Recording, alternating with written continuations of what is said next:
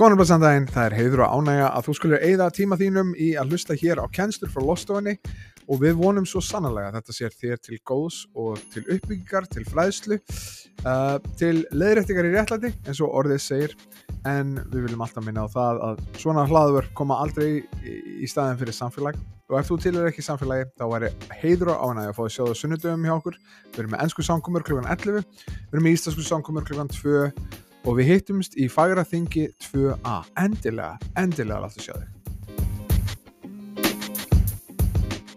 Hana En hann að, já, margmið okkar er, er náttúrulega alltaf þegar við komum saman er ekki bara að hafa samkomur á sunnudöfum heldur að við förum út eitthvað betur, uh, ekki bara með betri fræðslu og, og, og svona þykkar í haus, heldur vonandi umbreytt hjörtu, er það komin núna, sko, og að umbreytt hjörtu og, og styrtar hendur til að fara út og gera eitthvað með trú okkar. Þetta lofgjörður ekki bundin við eitthvað tímaramma á sunnudöfum eða eitthvað byggingu, heldur er Rómarböðu 12 minnur okkur á að allt, allt lífið er lofgjörn. Við erum lifandi form og í dag þá erum við að pæla í hvernig, hvernig fagnæðurindum Jésu mætir fóreldrarhlutverkinu og hérna þetta er náttúrulega öðurlega að tala til okkar ef við erum fóreldrar hér inn í dag og pæla í fóreldrarhlutverkinu. Ef þú ert ekki fóreldri og langar bara svona að setja aftur og dæma aðra fóreldra fyrir að gera það rátt að þá er þetta gott efni í það, þú hefur svona eitthvað til að slá í hausina fólki svona, ef að ég veri pappin hér þá myndi ég gera þetta svona þannig að þetta er, þetta er mjög gott fyrir ykkur. Blás upp egoið ykkar og, og nota þetta til að slá fólk. Það er það sem við viljum gera sem kristnir einstaklingar eða ekki? Uh, en vonandi ef þú ert ekki barn að, að þá getur alltaf að hjálpa fólkinni kringu því að hugsa um foreldrarhluturki og já, ef ekki bara ég fann nefnilega hana bara myndband á netinu, kennslumyndband á YouTube um hvernig við hefum að láta barna eftirlit á iPad og iPhone. Ef ekki bara spila það það er bara gott fyrir fóreldra hluturki í dag við förum út í vikuna við vitum hvernig á að láta fóreldra hennar eftirlita á, á iPadin okkar og, og hennar svo byggjum við bara saman og, þannig að við skulum bara láta á YouTube nei, hennar, nei, en í fullir alveg þá kannski ég undirstrykja þetta hvað er mikið sem hægt er að ræðum þegar það kemur á fóreldra hluturkinu og ég er alltaf að pæli hvernig get ég sagt eitthvað á 40 myndum 45 myndum uh, sem að sem að talar til okkar á þennan hátt. Þannig að ég held að besta væri að taka svona heildarmyndina, að vera í flugvelni í 30.000 hæð og sjá heildarmyndina og svona undirstruðu prinsip sem við getum hugsað um sem að, sem að sínur okkur hvernig við eigum svo að, að bregðast við þegar við sjáum börn okkar og, og haga sér ítla eða hvernig við ögum börn okkar eða hvernig við setjum takmarkanir fyrir börn okkar eða hvernig við eigum að tengjast tækjum og notkum tækja og framvegis. Svo áður við fórum, förum inn í, í fóreldrarhlutverki, þá skulum við muna fyrst. Og það, það sem við viljum gera er, er ekki bara að tala um fóreldrarhlutverki, það er fullt af bókum sem tala um fóreldrarhlutverki. Við viljum tala um hvernig fagnaðarendi Jésu mætir fóreldrarhlutverkinu. Er það eitthvað ákveðið við Jésu og bóðskap hans sem gerir okkur skrítin, eins og við erum búin að undirstryka senustu sex vikur, þegar það kemur að alls konar hlutum, við erum búin að taka fullt af heitum umræðum, hvort sem það kemur að ja, kynlífi eða kynvitund eða eitthvað svo leiðis er eitthvað um bóðskap Jésús sem gerur okkur skrítin í hugsun með að við restina fólkinu? Og, og við viljum pæla hvernig talar Jésús inn til okkur? Og, og fyrst ef við bara byrjum að minna okkur á hvað er góðu fréttinar hver, hver er fagnaðar reyndið það er að þú maður náttúr Karin, þú byrja að tellja þú ert plebbi Þannig að þetta er plebbi nummið tvö í samkominni. Hún er alltaf að tella hversu oft ég nota plebbi, það er eitt af uppáðasvagnum mínum. Uh, við erum plebbar, við þurfum að frelsara halda og við höfum frelsara í Jésu. Þannig að eitt sem gerðist í vikunni þegar ég var að pæla í þessu var að ég tók eftir ótrúlega mikið af mistökum í mínum eigin lífi. Og það er mjög auðvelt að þegar við byrjum að pæla í hvernig við eigum að vera henni fullkomni fóreldrar, að sjá hvernig við erum ekki fullkomin. Og það sem fagnæðarendi gerir er að það mætir okkur og minnir okkur á að það er ekki lengur fortíð okkar sem skilgrinni hver við erum og það er ekki lengur fortíð okkar sem skilgrinni hver framtíð okkar er. Þannig að, að það minnir okkur á að náð hans nær okkur.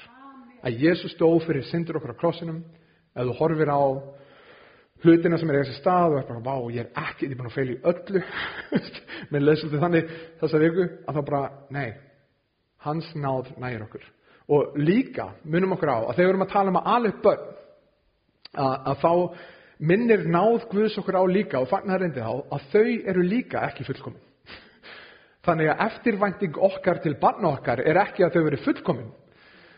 Og, og líka fagnarendi, hvernig mætir okkur í, í fólkdrarslutverkinu er að þegar að þau eru ekki fullkomin og þegar við erum ekki fullkomin, að það áttum við okkur á því að náð Guðs getur komið inn í ómögulega kringustæðir og getur gert kraftverk. Og ef þið vantar uh, sönnun um það, þá getur þið bara að horta þennan kross hérna í miðinni og sé að þetta er rómvesk pyntingatákn sem er núna mynd upp á líf og sigur og var einu sinni mynd upp á dauða og niðurlægingu. En nú syngjum við lögum með þennan kross og mannin sem hjekk á krossinum. Það bara minnir okkur stanslust á að það skiptir ekki máli hversu illa eitthvað lítur út fyrir að vera. Guð getur alltaf komið inn í erfiðustafastæður og umturna þeim. Og hann að, já, þú veist, jável þegar við stöndum fram fyrir reyðikasti og eigingind í börnum okkar, þá getur, þá getur náð Guðs mætt heim þar, alveg svo hann hefur mætt okkur. Er einhver búin að vera þar, að þú, þú varst eigingjarn, mannstu á þessum miðugudegi, hann að 1989, þá varstu mjög eigingjarn, einstakleikur. Og, og við sem foreldrar erum til staðar fyrir náð Guðs, fyrir börnum okkar, til þess að á þeim tíma benda á þá náð sem við höfum fengið upplifað. Og vegna þess sem Jésús hefur gert, þá er það ekki aðeins að okkur fyrirgefið. Heldur, ég elska hvernig hérna Anna Korundubref, ef þetta ákveður að koma upp, Anna Korundubref 5 átján segir, allt er frá Guði sem sætti okkur við sjálfansig fyrir Krist, margir hætta þannig, amen, Kristur sætti okkur við sjálfansig fyrir Krist, en, það heldur áfram, og hann hefur gefið okkur þjónustu sáttagjörðarinnar. Það er að segja, hann sætti okkur við sig, og hann hefur gefið okkur það verkefni að fara út og sætta aðra við sig og við erum að gera það í fóröldarhlutverkunni vegna þeirra náðar jafnvel þegar við stöndum fram með fyrir mistökum í okkar eigin lífi eða lífum krakkan okkar þá getum við átt von. Við getum stíð upp og hort á Jésu og með okkar að lesa textan sem við ætlum að dvelja á mest í dag sem er 5. Mósebók 6, 4-9 ég var svona óviss um hvort þetta væri of lítið er þetta of lítið hana fyrir ykkur aftast? Pabbi þú ert hundgammal sér þetta, sér þetta gamli kall. Þetta er rétt sleppur. Heyr Ísrael, drottin er vor Guð. Hann einn er drottin. Þú skalt elska drottin Guð þinn af öllu hjarta þínu og allri sálu þínu og öllum mætti þínum. Þessi orð sem ég legg fyrir því í dag skulu vera þér hugföst.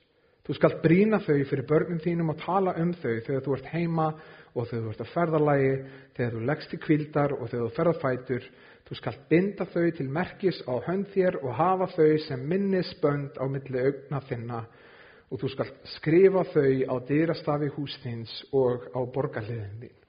Ég var alltaf pælt í því af hverju Íslandingar eru alltaf, það skiptir ekki máli hvort þessi trúaður eða ekki. Við kunnum svo þetta, labbarinn á heimili, þú ser fyrir ofanhöruna, drottin blessi heimili. Ég er alltaf búin að pæli hvort það sé út frá þessum vessum, það sem að segja, merktu dýrastaf húsins, einhver byrjaði þetta og svo er bara kynnslóðum segna bara Akkur er þetta gera þetta? Ég veit það ekki, bara pappi gera þetta og pappi hans gera þetta og svo er okkur plebbi fyrir 200 árum sem byrjaði þetta bara út af að hann var að lesa þetta vass. en þú veist, maður veit ekki hvernig, hvernig áhrifum maður hefur. En, mér lókar kannski fyrst að byrja þessu, hvernig, hvernig mætir fagnæðarendið okkar í fóröldrarslutverkinu og nummer eitt það er að það endurraðar forgangsadrum. Þegar ég var að pæli þessum versum að þá, þá byrja ég að pæli, ok, hvert er markmið okkar í lífunu? Hvert vil ég fara? Uh, ég man að það var FBI fulltrúi út í bandaríkunum sem var grunlega eitthvað hátt settur um fór alltaf bara í panik þegar ég postaði mynda á hann á Facebook. Bara nei, ekki á það. Og hann að hann talaði um í fólkdrarslutverkinu sínu þá hugsaði hann um þetta eins og FBI hérna verkefni. Æðisleg, æðisleg nálgun. Þess, þessi mennska persóna hérna, ég ætla bara að horfa á þetta sem verkefni eins og FBI uh, eh, og þá var alltaf sagt við hann horðu á enda niðurstöðuna og brjóktu svo niður skrefin til þess að komast þangað og mættu þér það sem þú ert í dag. Um, e, eða við getum slepptið að nota FBI og nota hennar hvað er Lísa í undralandi. Þegar þú kemur í veginn, vegurinn fer í tvent og hún spyr, hvað er hún að spyrja eftir? Það er eitthvað skrítin kall, hvor leðin á ég að fara? Það segir, já, hvert að fara? Ég veit ekki. Þá skiptir við óla litlu hvor leðin á það. Þú verður að vita hvert við ætlum að stefna, hvert við ætlum að fara, ef við ætlum að komast á leðanenda. Og fyrir mig, þegar ég var að dvelja á þessum vessum í dag, þá var ég að pæla í, ok, e, hvert er mitt helsta markmið? Hvert er ég að fara? Hvernig passar Jésús inn í mitt líf sem foreldri?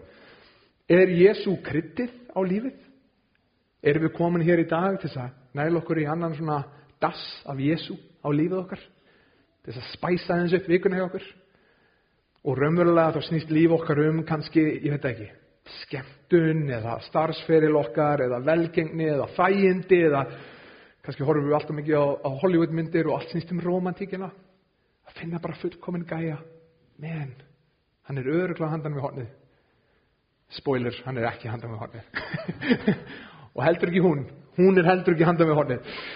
Er það fegurð sem við tilbyðum? Er það greint elsku við bara nám og titla ég bara skil ekki fólk. Ég, ég kom mér úr skóla eins fljótt og ég mögulega gatt svo er ég bara að hitta fólk sem er bara 45 ára. Ég var útskrifast. Bara já, af hverju gerur þetta? Það bara elskar að menta sig. Hvað er það sem að lífið snýst um? Er trúin einfallega eitthvað sem að rósar henni raunverulegu markmiðum lífs okkar? Smá krydd smá dass af Jésu á meðan ég næ velgengni í lífinu í öðrum hlutum eða er Jésús aðalpunkturinn. Og ef trúin er aðalefnið, ef að Jésús er aðalpunkturinn, þá, þá var ég að spyrja með þessa spurningu, lifi ég eins og þetta er svo satt? lifi ég samkvæmt þessu? Lif, ef, ef að ég trúi því að Biblan sé orðviðs, innblásið af Guði, nýtsam til fræðslu umvenduna til leiðrikligari réttlæti, les ég Bibluna eins og það sé raunverulega satt. Ég segi já og amen þessu. Ef ykkur lesi þetta vest, þá bara já, þetta er í Biblunni, þetta er satt. En þú veist, á miðvíkudegi er ég þá að lesa pipluna eins og þessi raunverulega satt.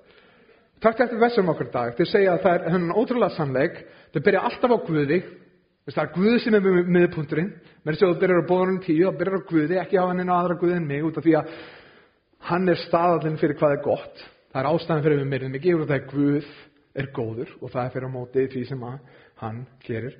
Og þú byrjar á að minna þig að það er einn Guð Ok, hann byrjar að minna Ísraelsmenn. Sama hversu margar guðir þjóðinnar í kringu þig er að lofa, þá er einn guð yfir öllum öðrum. Það er einn aðal guð. Það er einn guð sem raunverulega lifir, sem getur raunverulega gert hluti. Og í versi 5, þá hefur við fengið þessu ótrúlega köllun, að guð okkar er drottinn og hann er mikill og þess vegna erum við kölluð til þess að elska hann. Og ekki bara elska hann, af öllu hjarta. Hefur ekkert mann gert eitthvað öllu hjarta? Sem er lifur þess að tóni, tóni er svona persóna svona, sem gerir alltaf öllu hjarta. Vist, það er ekkert, það er annað hvort kemur bara, bara spreyja ykkur eða bara gerist ekki neitt. Gerum við eitthvað öllu hjarta? Þannig að elskaðu drottin af öllu hjarta. Öllu hjart ykkar, sál okkar, kraft okkar.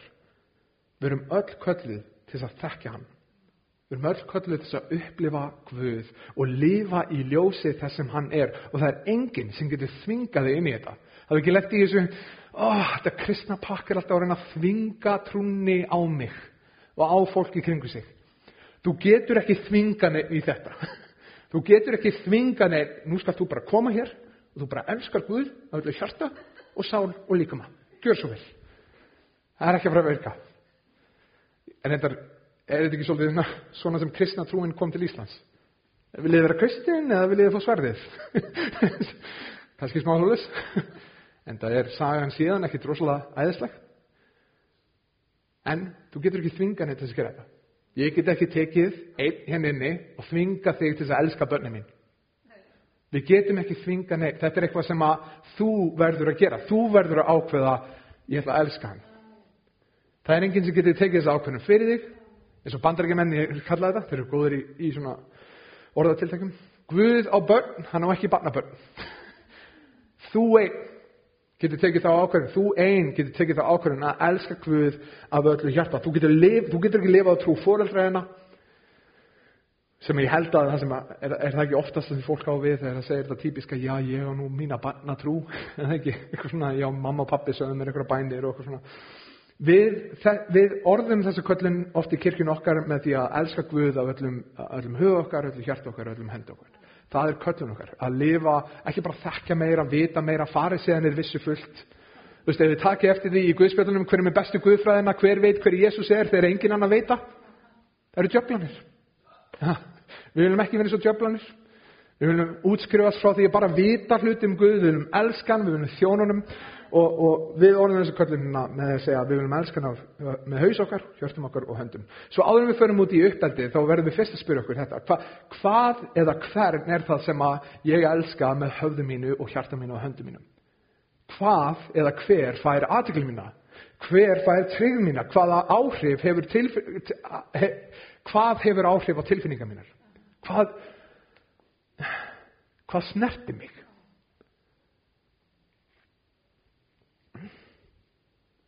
Hvernig skilgrinni ég velgengni í uppeldi?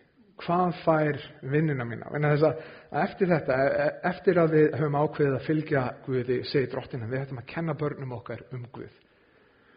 Svo árum fyrir mig þessi smáatriði um uppeldi, spurði svo að þessi spurningu, hvernig skilgrinni þú velgengni í uppeldi? Byggist árangur í uppeldi á því hversu góðar engunir barnið fær í skólanum? Og aftur, ég vil ekki segja þetta bara geði skít í allt. En hvað er það sem að bara, sem að bara snertir við þér ef það er ekki til staðar? Er það ef að barnið kemur heim í liðlega reyngunir ef að barnið eitthvað ekki vinsælt? Hversu vel þeim gengur í lífinni eftir skólan er það það sem að þú hugsaður að þetta er velgjörni í fólöldrahluturkinu ef ég get bara íttum út úr heimilinu og þau eiga fullt fullt af peningum? Eða hversu flott eru þau, hversu mikið eru þau að lifa samkvæmt trendinu með flottustu fötin, hversu mentuð eru þau, hversu listræn eru þau, hvað er það sem við hugsaum um sem velgengni í fóröldrahluturkinni. Því að Guð segir hér í upphæðuböfnunar okkar að aðal áhugamál okkar ætti að vera að elska Guð og alla börn upp sem elska Guð líka. Og við getum náða árangri í svo ótrúlega mörgum mismyndir hlutum í lífinu og spurningin er hvort við náðum í árangri í hlutum sem skiptir ykkur umverulega máli. Og markmiðið að velgengni er ekki aðeins við því að við segjum við börn okkar eh, eitthvað. Að við förum hérna út og við förum að, bara að hana, segja þeim hver Guði er og hvað hann hefur gert. Er líka að við sínum þeim. Hvernig, hvernig lítur það út að vera kristin einstaklingur? Hvernig lítur það út að elska Guð með hjartaðinu og hugaðinum og sáliðinu og styrkunum? Og spurningin fyrir okkur er, er erum við að sína Erum við að sína það að, að sannleikur skiptir máli? Erum við að sína það að, að raunveruleg góð kennsla skiptir máli? Erum við að sína það að það sé, það sé gott að fylgja biblunni í að vera í samfélagi trúara? Erum við að sína, ekki bara að segja þeim, jú, einn daginn, Mikael, þá, þá verður þú að vera gjafmildur. Ha, þú þarf að taka þig til í andlutinu til þú ferð því hann út og þá verður þú gjafmildur. Eða er ég að sína honum hvernig gjafmildi lítur út? Með peningum mínum, með tíma mínum, með hlutunum mínum? Er ég að halda allt og fast í þessu hluti sem Guðið blessa mig með?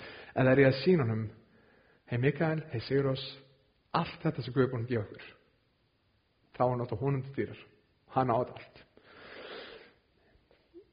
Eða sama með gestfriðsni. Eða spurning. Er það hérna eftir áhugsun? Og við getum sagt, já, Jésús er aðalmálið í lífunu mínu og held að margir sér tilbúin að segja þetta ég ætla að fylgja Jésu svo í smáleitrinu segir svo lengi sem hann stefnir í sömu áttu ég. Eða jú, Jésús er aðal málið. En uh, ef maður fyrir að trubla fókbólta ytkun uh, krakkan okkar þá, þá fyrir við að endur hugsa málið. Eða, eða áhuga málið. Jújú, jú, ég skal fylgja Jésu en ef hann byrði mig að gera eitthvað meðugdöfum þegar ég er að sinna mínu áhuga máli þá er það sko the table eða jújú, jú, ég ætla að fylgja Jésu ég ætla að vera gestrisinn, ég ætla að vera gjafmildur svo lengi sem það mætir eða sem hefur ekki áhrif á mín fjárastlegu markmið eða feril minn eða mentunamarkmið mín eða hvað sem það er. Að þegar við færum okkur frá fyrsta atriðinu þá verðum við að hugsa og endur hugsa hver er forgangsröðun okkar? Hver, hvað er það sem fær aðtegl okkar? Hvað er það sem fær vinn okkar? Hvað er það sem við raunverulega lifum fyrir? Annars að segja það, við segjum kannski já að meðan við öllu réttu hlutunum og enn og eftir er það að fatta hversu mikið þetta stakk mig í vikunni. Hvað er ég að segja versus hvað er ég að sína þér? Er ég að segja ég elski Jésu og ég vilji vera gjafmildur eða er ég að sína það og enn og eftir Vist, ok, bara, bara alltaf full honesty hérna eða alltaf predikanir, ef það er að stinga þig þá er þetta stakk mig rosalega mikið í, í vikunni. Og ég held að þetta sé hlut af því sem að Guð gerir til þess að elska okkur sínur okkur ah, kom til hérna komdu til mín og gerðu, verður með mér í að umbreytast og, og annað eins. Um, Og ef við, ef við upplifum okkur að, að deila til dæmis megin áslum Guðs þegar það ætti að vera fyrsta skrefið, veist, við, við viljum að uppeldi okkar og við viljum að helsta markmið okkar sé að þau elski Guð eins og við höfum fengið að elska hann. Um, að þá erum við líka átt okkur á að þetta, er, veist, þetta á að vera svona, þetta á að vera það vennjulegt fyrir okkur, þetta er svona flæði út í daglega lífið. Þú veist, ég var að hugsa um þetta og ok, bara hvað, horfið á þessi vess. Þú skal brína þessi orð, þessan sannleik fyrir börniðinum og tala um þau þegar þú ert heima, þegar þú ert að ferðalagi, þegar þú leggst til kvildar og þegar þú ferð á fætur. Hvað er það að segja? Alltaf. Alltaf að tala um Guð. Þegar þú ferð á fætur, með þessi, þú veist, hann nefnir ekki einu sinni eftir fyrsta kaffibotlan eða eitthvað svolítið, bara strax þegar þú ferð á fætur, tala um þetta. Þú skal binda þau til merkis og höndir og hafa þessi minnings, minningarbönd á milli augaðina þannig biblilegt að hafa tattoo sem minnir þig á, nei, hérna, hérna, nei, veist, þannig er hann að tala um, skreittu heimilið bara til að minna þig á hver Guð er, eitthvað sem hefur samtöl um hver Guð er sem þú getur bent á, þú veist, eins og, veist, ég, ég er svona gauður sem held í alls konar asnalega hluti, veist, eins og öll, hann að böndin sem að svafa fór inn að spítala með þegar við varum að fæða börnin okkar, ég er með þau heima, gett sveitt og ógistlega í ykkur kassa, eða, þú veist, og þetta minnir mig á hversu góðu Guð er. Og ég er svo sannfarður um það, við erum svolítið eins og svampar, eins og svampur Seinsson, svampar með lappir. Og að því litinu til, að við, við drögum inn í okkur það sem er í okkar umhverju. Og við kannski áttum okkur ekki á því hvað við erum að draga inn í okkur fyrir að álag kemur á lífinu. Og þegar álagið kemur, að þá byrjar alltaf að koma bara fullt af hlutum út sem þú áttaðir ekki eins og á því að það væri inn í þér. Allt í hennu bara orðaforðin farin að breytast og allt í hennu bara orða að koma út sem að þú bara hefur aldrei heyrt á þér. Þetta heyrður bara bíómyndum þegar fólk var að blóta, eitthvað óguðlegir einstaklingar. Veistu, allt í hennu bara álag lífsins komið á þig og allt í hennu þetta komið út í þér, hvað er ég að segja? Það sem við elskum er það sem við hefum tilhengu til að tala um, til að hugsa um, til að vísa á, til að benda á. Og þegar, þegar hann er að segja þarna, við fólkdurinn í herbygginu, þá langar mér að segja að við getum ekki, við getum ekki gert það okkur kerfi. Ég voru að hugsa að er eitthvað praktíst sem ég get sagt. Það kannski ef við förum öll og setjum bara vekjar klukku á klukkutíma fresti sem minnir okkur á að við hefum að tala um Guð. Nei, það er ekki. Vist, ég er með krakkana okkar á næringu og við erum með hringingar með það. Þetta verður bara sjálfbrið viðbörð, það bara slekkur á sig á þess að pæli því og vekjarklunum hætti að virka. Veist, þetta, ef þetta á að gerast ef að þetta á að lega út í restina lífun okkar þá verður þetta að vera eitthvað sem við höfum. Við erum kvölduð til að leiða krakkan okkar og við getum ekki leitt þá eða þau á staði sem við sjálfum höfum ekki verið á. Veist, þetta er ekki bara talið um eitthvað góða hluti þetta er talið um hver Guð er. Og til þess að tala um hver Guð er þá þarf ég að þekka hann, þá þarf ég að vita hver hann er. Þá þarf ég að upplifa hversu mikill hann er. Ég þarf að elska hann með sálum minni, með huga minni með krafti minnum trú mín þarf að taka já, praktískar byggur og hér er málið. Við getum ekki gert þetta. Við getum gert hluti til þess að minna okkur á þetta. Við getum skreitt heimilin okkar, við getum skreitt dýrastæfi hús okkar til þess að byrja samræður og vonandi eitthvað í framtíðinni sem börnin geta spurt um hvað er þetta skrítna dót í horninu? Leið mér að segja frá því þetta er tré þú veist, ég veit ekki hvað er, veist, ég er ekki búin að hugsa þetta til enda, en veist, við getum skreitt, skreitt hluti, og þannig eru, þú veist, konur og kona mín sem er alltaf að umbreyta einhverju lúki á heimilin okkar, bara yes, það er guðlegt og biblilegt, sko. en þannig er hann að segja. Númið tvö, uh, það, sem fannæðindir Jésu mæti fólkdrarhluturkinni er að það lætur uppeldið snúast um hjartabreytingar frekar en hefðunabreytingar. Og hér er, er skilningur sem ég fann að átta mig meira og meira á. er að einn daginn, og þetta hræði mig, fljó, þetta kemur fljótar en, en, en, þú veist. Einn daginn, elsa krakki minn er að vera tí ára. Það er crazy. Það er crazy að hugsa um það. Vist, hann er hálfa leðina að ég vera tvítur. Og hann að einn daginn, það kemur svo dagur, að börnin okkar fara út. Og þeir verða sinn einn fullorinn einstakleikar með sinn einn fjölskyttur. Og það sem ég er að átta mig meira og meira á er þetta ef ég næ að umbreyta hegðun þeirra á meðan þau eru á heimilinu mínu út af því að þau eru hrætt við, uh, við refsingu fyrir að hafa, sig, hafa sér ekki rétt eða út af því að þau eru hrætt við uh, um, vonbriði ef ég næ að umbreyta hegðun þeirra og það er eina sem ég geri þá fara þau út og það hættir og mögulega geti það brenda á því að þau íta mér úr lífsinn út af því að þau vil ekki tíla við að þurfa alltaf að hafa mig hangandi yfir sér með vonbreiði mína og, og annað eins. Málið sem ég er átt að mig á er að meira og meira er ég, mitt verkefni er að þau gefa sig undir Jésu gleðilega. Og til þess að það eigi sér stað þá er ég átt að mig á meira og meira ég þarf að sína þeim að Guð er góður. Að Guð er þess virði að elska að Guði þessi verið ekki bara að elska heldur elska af öllu hjarta af allri sála, af öllu styrk. Guði þessi verið að láta, snú, að láta líf mitt snúast í kringum hann. Að þau megi fá sjá þá gleði og þá von sem ég fengi að upplýja honum út af því að þau sjá gleðin og vonuna í okkur. Þegar við snúum okkur til Jésu þegar við vitum ekki hvað maður segja, hvað maður gera. Að þau megi þá fá að prófa það. Og ef að hjarta þeirra breytist þarna Og enn og aftur, hvað segir, segir vessin okkar að gera? Við eigum að, við eigum að ekki bara að segja um að hlýða Guði. Það verið einfalt. Það er mjög auðvelt að fá fólk til að hlýða. Ef þú ógnar bara nóg, refsar nóg, þú veist, þá getur þú fengið fólk til að hlýða. Þú getur framkalla hefðunabreitingu í fólki, en þú getur ekki neitta til að elska. Og enn og aftur, við erum köllið til að sjá, sjá, ekki bara að elska sjálf, heldur líka að beina bönnum okkar að Jésu, að hann sér þess virði að elska. Ef markmið okkar er einföld hægðunarbreyting og við sjáum ekki hjartansbreytingu, að þá framkalla það ekki varanlega breytingu. Og enn og eftir, ég er ekki að segja bara hvað, já já, nú förum við bara hér út í dag og bara gefum skýt í alla reglur, bara hvað. En er markmið uppeldis okkar það að sína þeim I'm the boss? Er það markmið uppeldis okkar? Eða er það Mér langar að þú finnur gleðina í Guði. Ég hef verið undirgifin honum. Og góðu fréttinar, þær breyta hjart okkar. Vegna þess að í þeim þá höfum við ástæði til að elska. Þú hefur ástæði til að elska þegar þessi börn hætti að vera krútleg og byrja að skýta upp á bak. Nei, tjók. Eh, þegar það hætti að vera krútleg og byrja að öskra.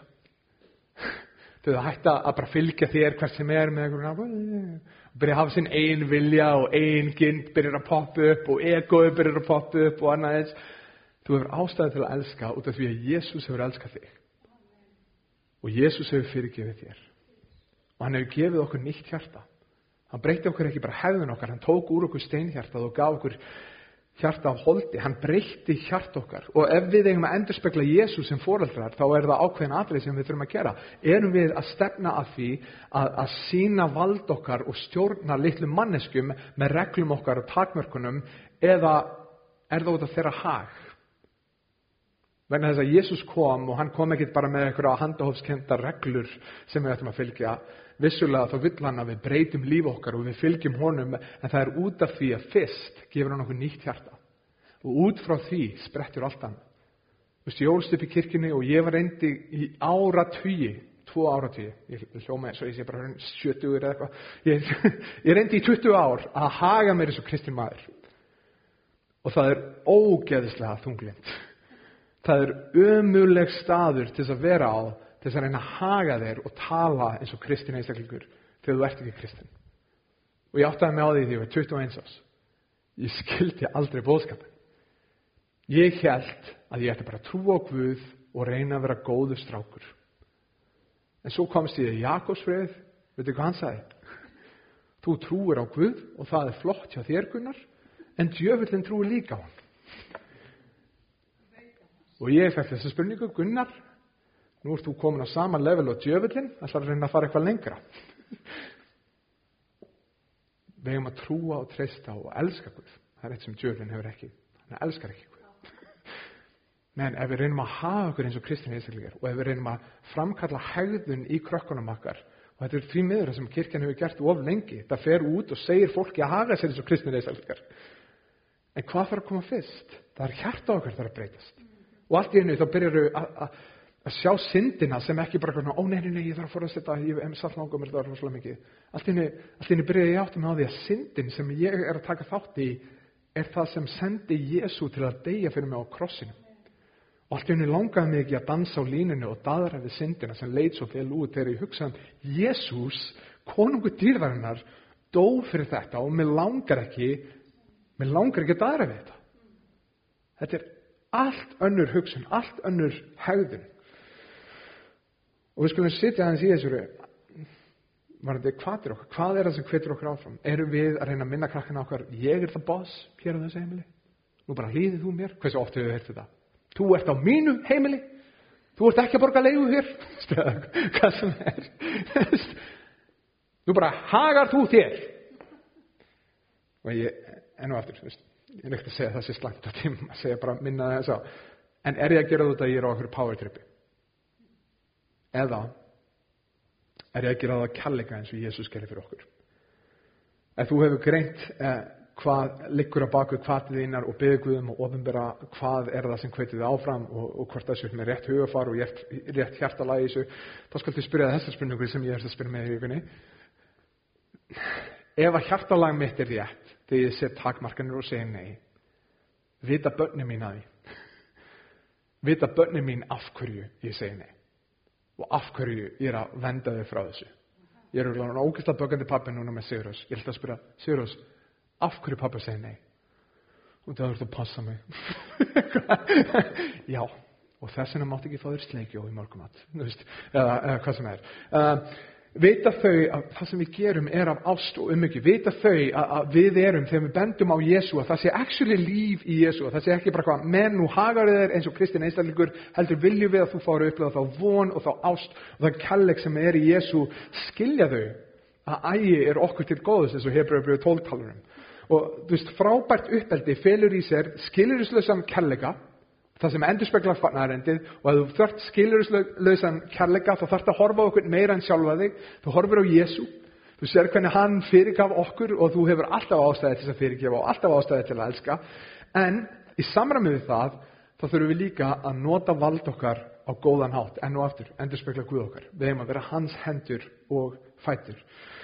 En kærleikurinn er ekki einfallega bara afsaka og gera lítið úr slæmri hefðun, heldur líka að leiðrétta og aga á heilan hátt. Og svo er það næsti punktur sem er mætir, uh, það sem farnarendi mætir fóröldrahlutverkinu, nummið þrjú.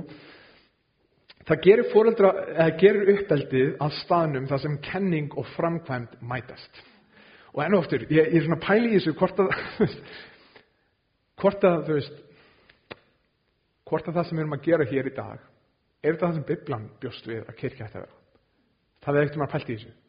Þegar við byrjum um þessa kirkju, að þá var ég með bara bókstallega aukt blað og spurningin mín var, ef ég myndi bara lesa Biblina á eðegi og ég hefði aldrei farið inn í kirkju áður, hverju myndi ég búast við að kirkja væri? Og ég reyndi bara að skrifa út hvað ég sá í Biblinu. Og enn og aftur, þú veist, þegar kem, það kemur að að læra um Guð, að þá hugsaum við oft um svona setting eða ekki. Það sem einhver stendur fyrir framann ykkur eða okkur með mikrofón og segir Guð er svona og Guð er hins einn, farið nú út plefnum ykkar og lifið í ljósið þess. En ég er svona, ok, er þetta það sem Guð hefur kallað okkur til sem kirkja, sem Kristinn Eiselgar? Eða er þetta það sem við lærum í skólakerrin okkar? Að setjast niður og þeia í 40 myndur og meðan einhver segir eitthvað við okkur. Og þegar það kemur að fóreldra hlutverkinu, þá er ég að spyrja sjálf mig, veist, er þetta sem ég er að gera við krakkana minna? Ok, það er eitt sem ég get gert, er að segja þeim frá þetta hlutum. Ég get sagt þeim frá sögum í Gamla testamentinu, ég get sagt þeim frá Guðfræði og annað eins, ég get, ég get passað að þau horfi á réttar kenningar og hugsi biblilegum hlutuna, en er ég að sína þeim? Veist, verkefnin okkar í Mattius uh, 28, 20, þegar Kristjánbóðskipin er senda okkur og við erum að fara út og gera allar þjóður að læra sínum, þá segir hann ekki, kennið þeim allt sem ég er búin að kenna ykkur. Heldur segir hann, kennið þeim að halda allt sem ég er búið ykkur. Sýniði fólki, farið út og sýnið heiminum hvernig það lítur út að taka orði Jésu og láta það vera hluta mínu lífi þannig að það sjáu hvernig kristna lífi lítur út. Og, og enn og aftur, ég elska þetta, Pál Póstili segir við korundumennina, fylgið mér við eru eftirbreytindur mínir eins og ég er eftirbreytandi Kristi. Fylgið mér að meðan ég eldi Krist. Þess Guðfræði ekki, ætti ekki að vera í skólastofu í háskólinu. Þetta ætti að vera verknám. Þetta ætti að vera eins og pípulagningar eða veist, ef þú vilt læra að klippa hár eða hvað sem það er, þá þarftu að gera hlutina til þess að læra það. Guðfræði, Biblan á ekki að vera inn í skólastofu eða inn í flottum sál. lífið á að snúast um að taka það sem við vitum, leifa því að snerta við hvernig okkur líður og fer út í hendur okkar og fer upp þjóna öðrum. Vissulega þá erum við kvöldið til að tala um Krist og enn og aftur vessin tala um það, talið um það þegar þið vaknið og allt það, en við þurfum að sína hvernig trú okkar lítur út praktíslega. Hver eru orðin sem að við eigum að kenna krökkunum okkar þegar við leggjum sniður og förum út að labba? Að það sé einn guð að við eigum að elska hann að vilja hjart, hjart okkar og sál okkar styrk og við þurfum að sína þeim hvernig það lítur út og annars og ég elska, ég elska hvernig Jésús tala bara hann beint út. Annars erum við heimskingjar. Annars erum við heimsk. Ef við ætlum að koma og, og sanka okkur upplýsingum á hverjum sunnudegi. Þá segir Jésú ef það leiðir ekki úti að við lifum honum til dýrar þá erum við einfallega heimsk. Hver sem heyrir þessu ormin og breytir ekki eftir þeim, sá er líkur heimskum manni, er byggði húsitt á sandi. Það getur verið rosalega flott hús, rosalega hátt, rosalega vel skreitt, en ef við gerum ekki neitt í því, að þá mun það á endanum vera ekkert annað en röstl. Og, og þetta er það sem er kenningin og framkvæmdin mætast og ég satt í þessu vikunni og ég hugsa, ok, hvað er það sem að krakkanir mínir hafa fengið að upplifa frá mér? Tölum við um bæn eða lifum við byggjandi lífi? Er ég búin að sína krökkunum mínum þegar að mér vantar upp á visku, þegar mér vantar upp á kraft, þegar mér vantar upp á meira, er ég að sína þeim að það fyrsta sem ég gerir er að snúa mér til Guðs eða tala ég bara um bæn. Já, ég krakkar, bænin er mikilvægur, hlutur í lífu okkar. Eða sjáðu það. Tölum við um gjamheldi eða, eða gefum við. Tölum við um yðrun eða sínum við yðrun? Ef þú ert að díla við hróka, þá er eitt sem að bara geðveikt verkefni til þess að drepa hróka. Prófaðu að byggja fjóra, eh, fjóra ára krakka afsökunar. Það er alveg svakalegt. Þegar að Sigurós var fjara ára, þegar ég sittist niður með henni og hann að, já Sigurós, hann að, pappi var ekki að haga þessar eins og Jésu á hann. Afsakið það. Jújú, jú, það sem ég sagði var ennþá rétt, en það bara átt að segja það öðruvísi, eða hvað sem það er. Ef þú ert að díla við hróka, þá er þetta bara geðveikt verkefni til þess að drepa egoðið þitt. Að fara að byggja krakkana þennan afsökunar. En nú aftur, erum við að tala um yðurinn? Erum við að sína um yðurinn? Og þetta er búið að opna geðveika samræður allavega hjá Sigur Róstöldumins, bara ég er búin að byggja Guð um að fyrirgeða mér, getur þú fyrirgeða mér líka? En nú aftur, þú veist, erum við að sína um hvernig kristna lífi lítur út, eða erum við bara að tala um það? Og þú veist, eins og ég, þú veist, þessi spurning poppaði upp í hausnum á mér í vikunni. Ég er alltaf að segja, hjálpa okkur að horfa til þín, Jésu, þegar við endum bænir okkar á kvöldin. Og ég veldi því fyrir mér, alltaf inn poppaði þessi spurning, held, halda krakkana minnir að Jésu síði símanum mínum. hjálpa okkur að horfa til þín, Jésu, og menn er ég alltaf, já, ok, ég þarf að vera þetta með síma til þess að horfa á Jésu, sérstaklega hvað er það sem ég er að kenna þeim, ekki bara í því sem ég segi, eftir því sem ég geri. Það er, það er ótrúlega sad, það er rosalega oft í biblinu það sem við sjáum svona setningar eiga sér stað. Það er reyndar aðra setningar það sem okkur döfult gerist, þess að ég var að lesa um Samuel núna í aukunni, þess að sinni hans fór á móti því sem hann gerði, hann liði ekki eins og Samuel, en þetta er rosalega oft setning sem við sjáum í biblinu, hvort sem þessi gott eða slæmt. Og drottin var með Jósafat því að hann gekk á hinnum, hinnum fyrri vegum Davís forföðu síns og leitaði ekki balana. Balana, svo finnst þú íslensku. Balana, Er það eitthvað nýju bananar? Bal, balanar? Nei. Um, en, en þannig er hann að segja að hann fór ekki að fylgja falskuðunum út af því að hann sá hvernig forföðu sínu liði. Því miður, þá var talað um þetta báðahatt. Það eru sömur sem liður guðlega lífi, sömur sem liður óguðlega lífi og ég spyr sjálf mig hvað er það sem krakkanir mínir er að sjá. Og eitt af því senasta sem ég langar að nefna er bara að, að það, það sem þið þurfa að sjá er að það er ekki allt gott sem glitrar. Ég þarf að sína þeim að það sé þessi virði að lifa skriknu lífi út af því að venjulega lífið er bara ekki að gera sig. Það sem er venjulegt, það sem fólk fer eftir venjulega lofar ótrúlega miklu en gefur aldrei því sem það lofar. Og meðan Biblan segir leiti fyrst ríkis míns og réttlættist og allt annað mun veitast ykkur auki. Þú getur sóað öllu lífið þínu sem foreldri í ungbönn í að hjálpa þeim að ná árangri í hlutum sem skipta engum máli. Velgengni okkar í uppeldi byggist ekki á því að hjálpa börnum okkar að ná árangri. Heldur að ná árangri í hlutum sem skipta máli. Og fyrsta skrefið í því gæti verið að gera innri skoðun og endurskoðun á sjálfum okkur Er, er, ég að, er ég að gera það sem allir aðrir er að gera? Er ég að hlaupast eftir því sem að glitrar og lítur vel út og lofar öllu? Eða get ég sungið textan sem að, hvernig, er textan? Þannig að allt fölnar fær þegar Jésu, þegar ég horfa á Jésu. Vitið hvað texta ég er að tala um? Allt ég fús vil yfirgefa. Er þetta bara góð orð sem ég syng? Eða er það raunverulega að allt annað fölnar þegar ég sé Jésu og hans stíð? Hjarta mitt hefur verið að að bresta eða bara senstu viku þessu típist að maður sé að vinna okkur svona predikun og svo er maður bara lendi að tala við foreldra sem eru 6 ára börn, 7 ára börn, 8 ára börn sem er að díla við bara kvíða sem ég hef aldrei heyrt um í svona ungum börnum, sjálfsvíkshugsanir og ég var bara að hugsa bara vá, þú veist, ég, og Sigur oss og, og börnum mín eru þetta alast upp í sama heim munu þau upplöða svipaða hluti þegar þau eru hann 6-7 ára, veist, hún er á þessum aldrei núna, veist ég veit það ekki Ég byrð fyrir að það sé ekki þannig. En ef hún lendur eitthvað tíman í því að díla við þunglandi og kvíða sem er bara, bara eðalega lífanar, þá vil ég að hún getur hort á pappa sinna og mömmu sína sem sáu að þegar var erfitt í lífinu, þá töluðu þau ekki bara um Jésu. Þá sneruðu sér alltaf á Jésu. Og hann gaf um styrk.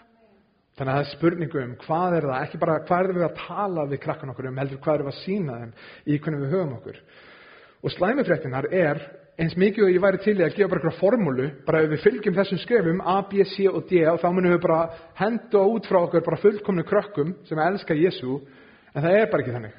Ég mun upplifa hluti og erfileika sem þið munu ekki upplifa og þið munu upplifa erfileika og hluti sem ég mun aldrei upplifa. En spurningun okkar er svo, munum við reyð okkur á Guð? Heilagur andi er í okkur og það er enn og aftur mætir, mætir fagnar endið okkur í fóröldra hlutverkinu. Bæli, Jésús dó fyrir okkur, hann kom úr dýrð, var á meðal okkar, dó á krossi fyrir þig, fyrir manneskinu við hliðinu þér. Hversu ótrúlegt er það og út af verki hans á krossinum þá erum við sem kristnir einslæðingar með heilagan anda, Guð sjálfan í okkur, minnst það ótrúlegt að Jésús segir við postuluna þegar hann stígur upp til himna, ég þarf að fara sem, þið, það verður betra fyrir ykkur að heila á randi sem er ykkur. Hversu oft hef ég hugsað menn, ef ég væri bara með Jésu, ef ég hef bara fengið að lappa með hann og tala við hann, er hversu awesome var það. En Jésu sjálfur segir, nei, nei, nei, ég er að fara, þannig að heila á randi geti ekki bara verið á meðal ykkar, heldur í ykkur. Og hann verður kennar ykkar, hann verður huggar ykkar, hann verður svo sem leiðir ykkur.